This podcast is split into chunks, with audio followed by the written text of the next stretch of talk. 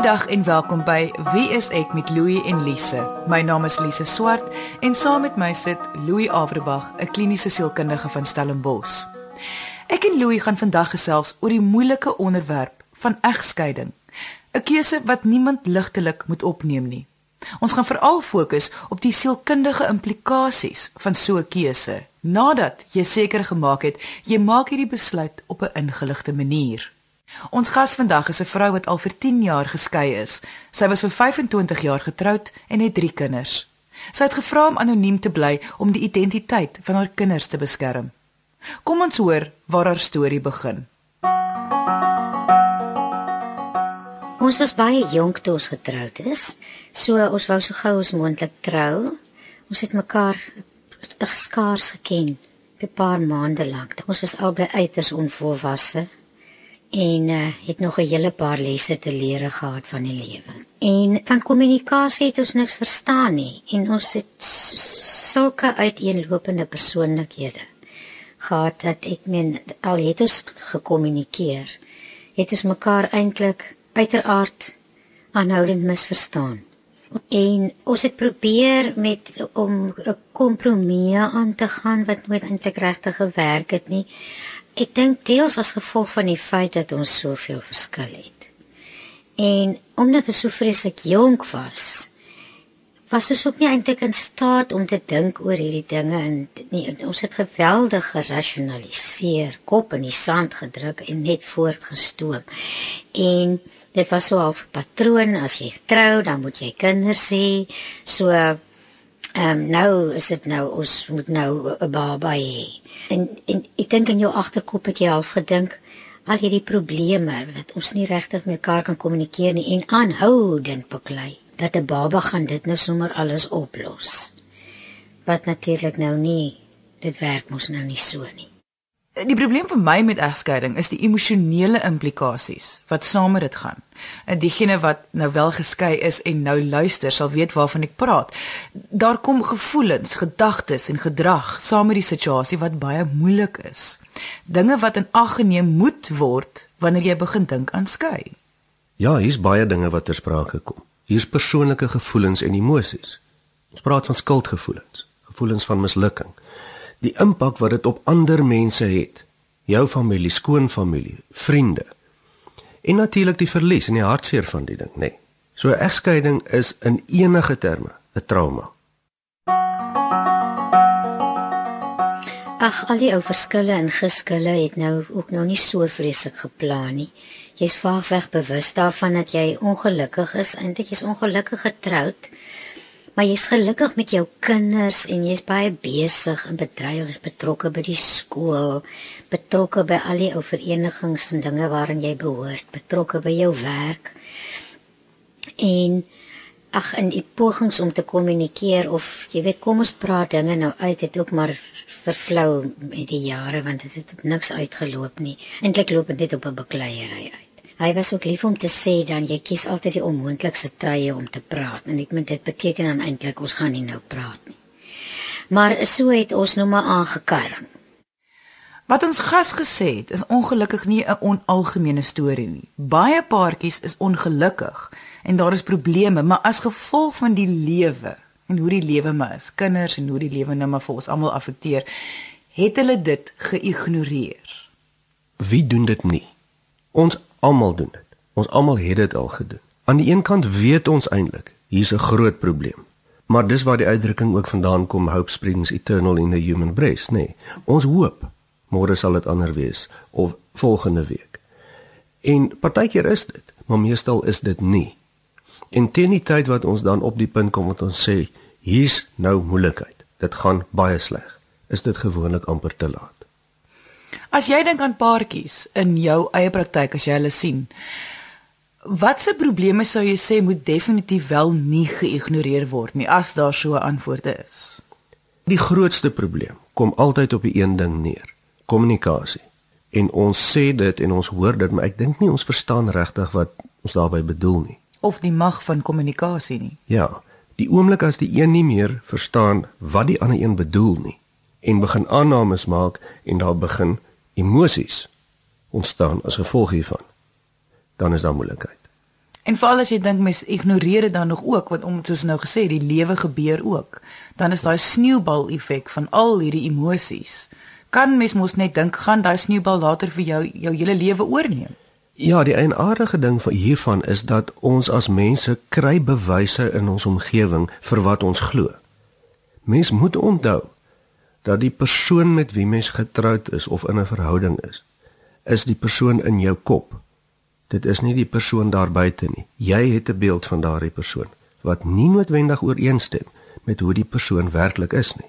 Plig lê eintlik ook of kom ons sê so die, die geheim van 'n verhouding is eintlik om te leer wie daai persoon is.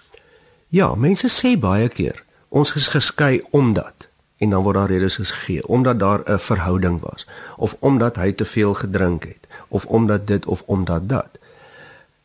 Dit is selde eintlik waar. Die regte rede is ons is geskei omdat ons nie ons probleme kon uitsorteer nie. En daarmee sê ek nie almal moet getroud bly nie. Selfs mense wat baie goed hulle probleme kan uitsorteer kom dan op die punt en sê luister, ons is goeie vriende, maar ons kan nie saamleef in 'n verhouding of in 'n liefdesverhouding nie. En dis ook oukei. Okay. Jy luister na Wie is ek met Louie en Lise op RSG 100 tot 104 FM. Om te skei was nie die eerste gedagte wat by 'n mens opgekom het. As jy begin besef het hier is 'n probleem nie. Jy dink nie eens aan 'n 'n 'n 'n 'n van tafel en bed skei soos die ou mense gesê het nie. Ek dink daar's baie um, oortuigings, dit is 'n mense oortuigings en ek dink dit is aan beide kante. Ons druk ons koppe in die sand eintlik as dit kom by wat gaan ons nou doen. En ek dink toe ek nou regtig myself ernstig hierdie vraag begin afvra, wat staan ons nou hier te doen? M my eerste gedagte was ehm um, terapie. 'n Mens moet professionele hulp inroep. Ek het nie gedink terapie vir ons albei soos nou 'n huweliksberading by een of ander iemand nie. Dit was terapie vir myself in die eerste instansie. Hoe gaan ek emosioneel ehm um, hierdie situasie hanteer as individu? Voor ons nou kom nou letterlik by die emosionele sy van 'n egskeiding. Wil ek tog net gesels net vlugtig oor. Baie mense sê jy moet alles probeer voor jy skei. Alles probeer om die verhouding te red. Maar net kortliks, wat beteken daai alles probeer? Ja, weet jy ek ek persoonlik stem nogal daarmee saam. Jy weet mens trou tog nie om te skei nie, meestal. So mens gaan mos nou nie met jou eerste, tweede, derde geveg gaan jy nou sê goed, kom ons hardloop na die prokureurs toe nie. Alles probeer beteken mos nou om eerstens met mekaar hierdie ding te probeer uitsorteer mooi te luister, mooi te praat, mooi te probeer verstaan, ook maar baie keer te verdra en te verduur. As dit nie werk nie, dan kan mens familie betrek en sê luister, ek kan nie so in hierdie huwelik aan nie. Kom praat saam met ons. Vriende, wat gaan ons maak? Ons kan nie so saamleef nie, maar ons wil ook nie skei nie. Wat moet ons doen? Dan moet mens begin kyk hierna na 'n derde party, na 'n goeie sielkundige wat werk met met pare en wat kan uh, bemiddel wil mens amper sê en fasiliteer. Nou die doel van so iemand is nie noodwendig om dit te probeer oplos nie. Dit is die eerste keuse, nê. Nee, ons kyk of ons hierdie ding kan laat werk. Maar as dit dan nie kan werk nie. Dis ons tweede keuse, dan kan ons ten minste dit mooi verstaan en op 'n goeie manier uitmekaar gaan en mooi ooreenkom sonder dat iemand nog seerder kry. Dit is die alles probeer. Al mense, eh, geestelike leiers as dit vir jou belangrik is of jou kulturele leiers of wie ook al vir jou belangrik is en 'n sê het en wie jy respekteer. Kry menings, kry opinies, probeer iets doen. Maar jy weet dan moet albei daarom wil. Dit kan nie net van een kant af kom nie. Kinders is 'n groot rede hoekom ouers besluit om nie te skei nie. Maar dit moet tog 'n effek op die kinders hê om in 'n huis te woon waar ouers 'n ongelukkige verhouding het, maar voor die kinders probeer hulle voorgee alles is oukei. Okay. Kyk, dis mos nou maar die probleem met kinders hulle tel die kleinste emosies op. Ja, dit is ongelukkig waar. Kom ek sê vir jou wat die navorsing sê. Die navorsing sê dat dit beduidend emosioneel beter is vir kinders om in 'n aparte, gelukkige enkelhuis te woon as om in 'n ongelukkige saamouer huis te woon. Maar dit is mos logies, nee, ons kan dit mos nou indink.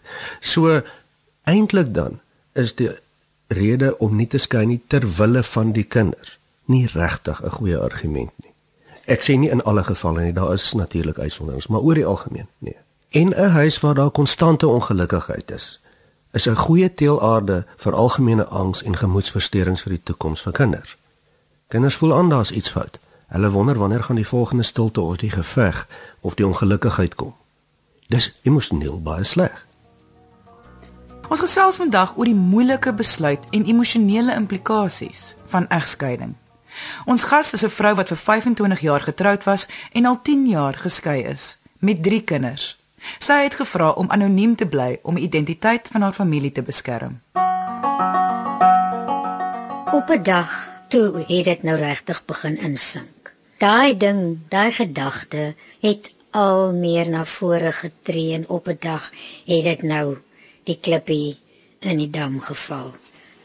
Hier is geen ander opsie nie of alternatief nie. Hier is nou egskeiding is nou die enigste antwoord want hier is twee baie ongelukkige mense. Nie dat ongelukkigheid 'n verskriklike groot rol eers in albei van ons se oortuigings speel nie. Met ander woorde, dit gaan nou oor dat ons nie net ongelukkig was nie. Dit was nie die rede hoekom ek op daai punt gekom het waar ek gevoel het nou moet nou sal ons maar ernstig moet begin dink aan 'n aan 'n 'n skeiding hier nie. Maar omdat ehm um, geweldig baie dinge nou nie slag begin bly hier. Ehm um, en die eerste ding is die kinders. Hulle sien dinge in die huis wat ons nie wil hê hulle moet sien nie of wat ek gevoel het ek wil nie hulle moet sien nie is twee mense wat uit 'n swak poging aanwend om 'n verhouding te laat slaag wat mekaar eerder sal ignoreer. Nie antwoord nie eers antwoord as die een vir die ander 'n vraag het nie wat mekaar um, eintlik verkleineer op 'n baie subtiele um, indirekte manier.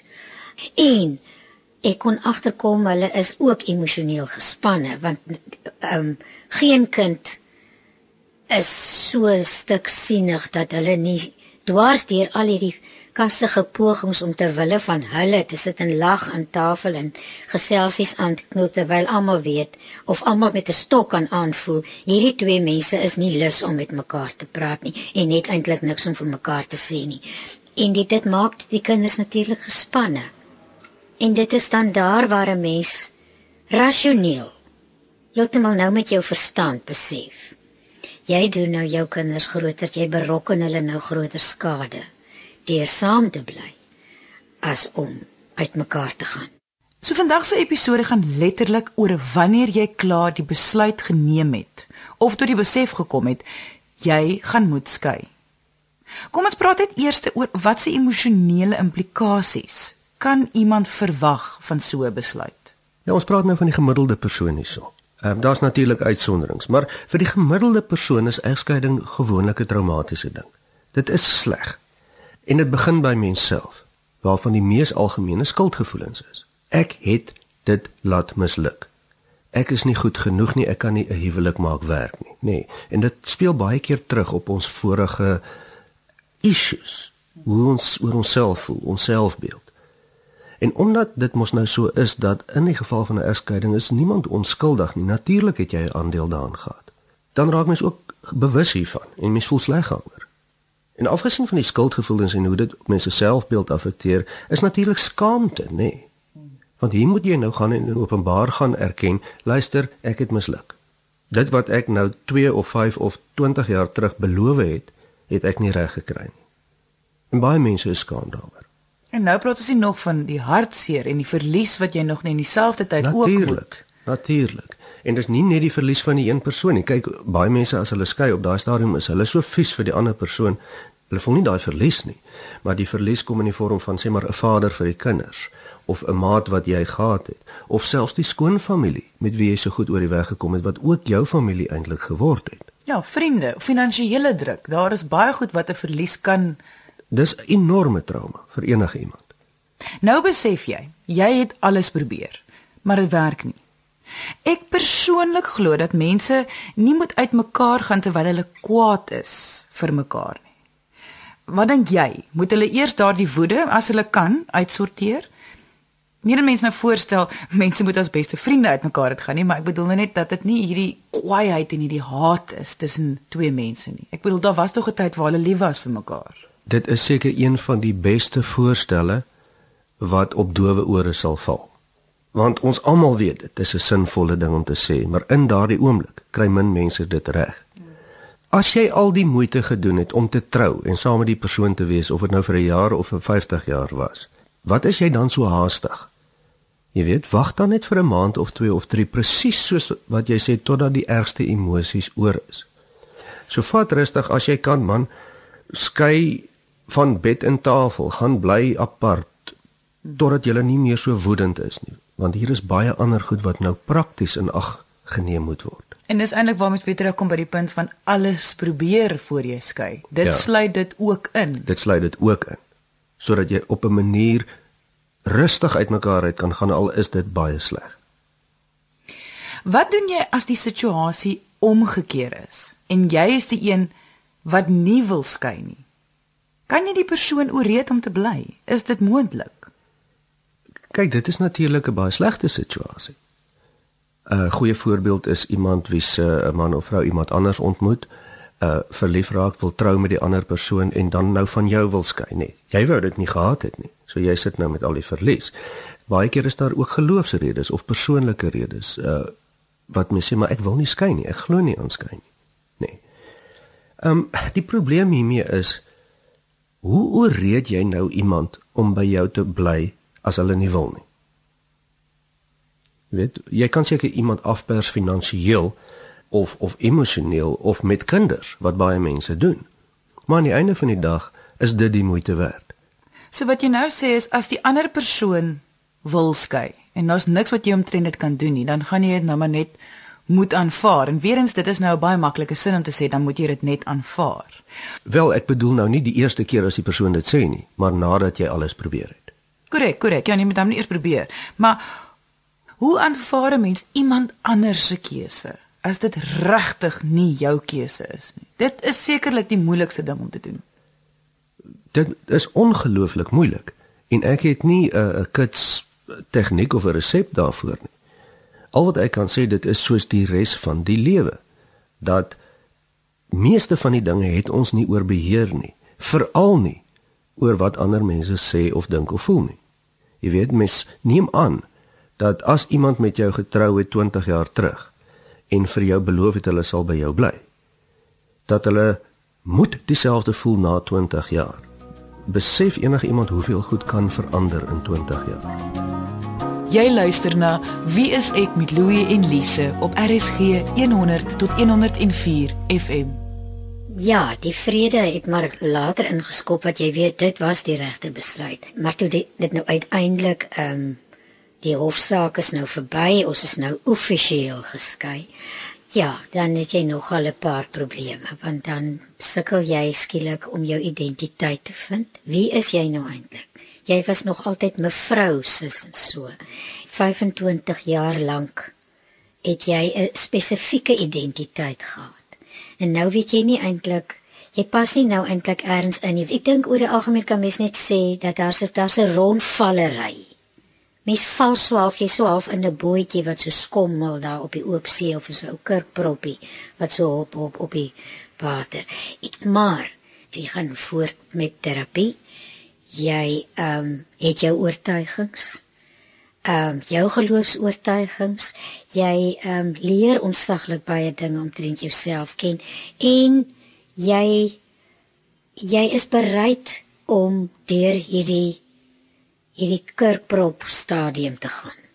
Jy's bereid om dit nie te druk en te forceer dat dit moet verbygaan nie, want dit gaan verby. Jy ek dink op 'n manier weet jy dit intuïtief. Iewers gaan hierdie stadium verby waar jy so rondhop in jou emosies. Iewers vind jy jouself. As 'n mens al hierdie gevoelens in ag neem, wat is jou raad om hierdeur te kom? Want hopelik gaan dit tog eers verbygaan. Jy gaan tog hopelik kan aanbeweeg na al hierdie emosies van jou egskeiding. Selfs al voel dit nie in die oomblik so nie. Kyk, dit is dieselfde met enige trauma en onthou egskeiding is 'n geweldige trauma. Hoe kom jy hierdeur? Jy weet dit sal beter word. In die meeste gevalle word dit beter. Jy is heeltemal reg. So die hartseer, die pyn gaan beter word. Maar om dan by jou te hou presies wat jy oor beheer kan hê. Jy kan nie die, die eggenoot se gedagtes beheer nie, maar jy kan beheer wat jy elke dag doen, wat jy dink of jy werk toe gaan of nie, of jy die prokureur gaan sien of nie. Dit is als goed wat jy kan doen en dis al wat jy kan doen. En dan moet jy dit dag vir dag, week vir week, maand vir maand vat en dit gaan verby. En vir daaiene wat regtig na maande, selfs jare besef hulle kry dit eenvoudig nie reg om hier oor te kom nie. Dis natuurlik vir al diegene vir wie wie se keuse dit nie was om te skyn nie. Ja. Wat sou jy voorstel vir hulle? Ek dink nie mens moet dit ignoreer nie, want ek wil amper sê dit is hoe die lewe is. Jy weet, die lewe gee klappe en baie keer kry ons maar net 'n roofie oor die wond. En as die wond nog daar is, dan moet mens hulp kry. Dit is nie 'n skande nie. En dan praat jy met mense wat met jou kan ondersteun hiermee en kan help as as dit enigstens moontlik is. En as dit vir jou dan moontlik is, praat met 'n sielkundige. Dis waarvoor ons opgelei is. Ons het nie antwoorde vir die ding nie, maar ons kan 'n pad saam met jou stap om dit te help beter maak en om jou te help om dit te verwerk. Maar op 'n dag het ek ag rustig besef ek is waar ek wil wees en ek is ek het vrede. Ek is verskriklik bly ek het gedoen wat ek gedoen het.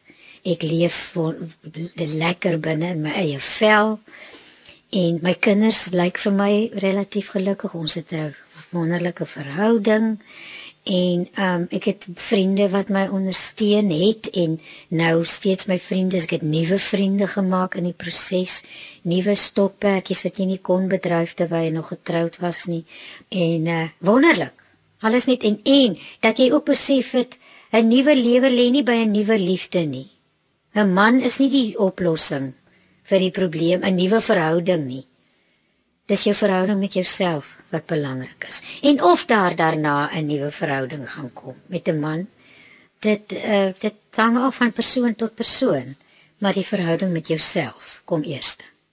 As ons kyk na die baie ingewikkelde en hartseer voorkoms van egskeiding, dan wil mens daarom hê dat daar lank probeer moet word voordat mens tot op hierdie punt kom. Dis wat ons sê, probeer daarom eers alles. Jy weet, en as dit dan nou op daardie punt kom en jy het nou al met almal gepraat en jy was nou al selfs deur 'n sielkundige gewees. Jy weet, en daar word geskei, dan het dit 'n baie slegte effek op partye betrokke. Daar is skuldgevoelens, daar's verlies. Dis 'n trauma vir almal. Selfs al is 'n mens verlig, selfs al was jy die een wat gekies het om te gaan dis nog steeds 'n trauma en dis 'n ingewikkelde emosie wat dan gebeur daar. So as jy dan besig is om daardie keuse te maak of dit te oorweeg of jy selfs al hierdie keuse klaar gemaak. Die kans is baie goed. Jy weet dat dit vir jou gaan swaar wees. En as dit regtig te swaar is, moenie dink dat daar fout is met jou nie. Kry hulp in. Want dit is 'n groot keuse, dis 'n groot trauma. So die punt is 'n egskeiding soos baie ander dinge in die lewe is baie moeilik en is swaar. Maar jy kan daardeur. Ons is aan die einde van vandag se episode. Baie dankie aan ons gas dat sy haar storie met ons gedeel het. Indien jy enige vraag oor vandag se onderwerp of enige ander onderwerp het of net jou storie met ons wil deel, kan jy ons kontak deur ons webwerf wieisek.co.za of deur ons Facebookblad onder wieisek met Louie en Lise. Ons wil ook net ons luisteraars herinner dat ons 'n boek uit het getiteld Wie is ek saam met RSG en Naledi en dit is beskikbaar by jou naaste boekwinkel. Jy kan ook 0834096751 skakel en jou eksemplaar word dadelik gepos.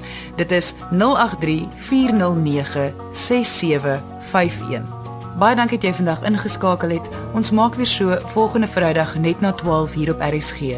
Jy moet 'n heerlike naweek hê he, en onthou, kyk mooi na jouself.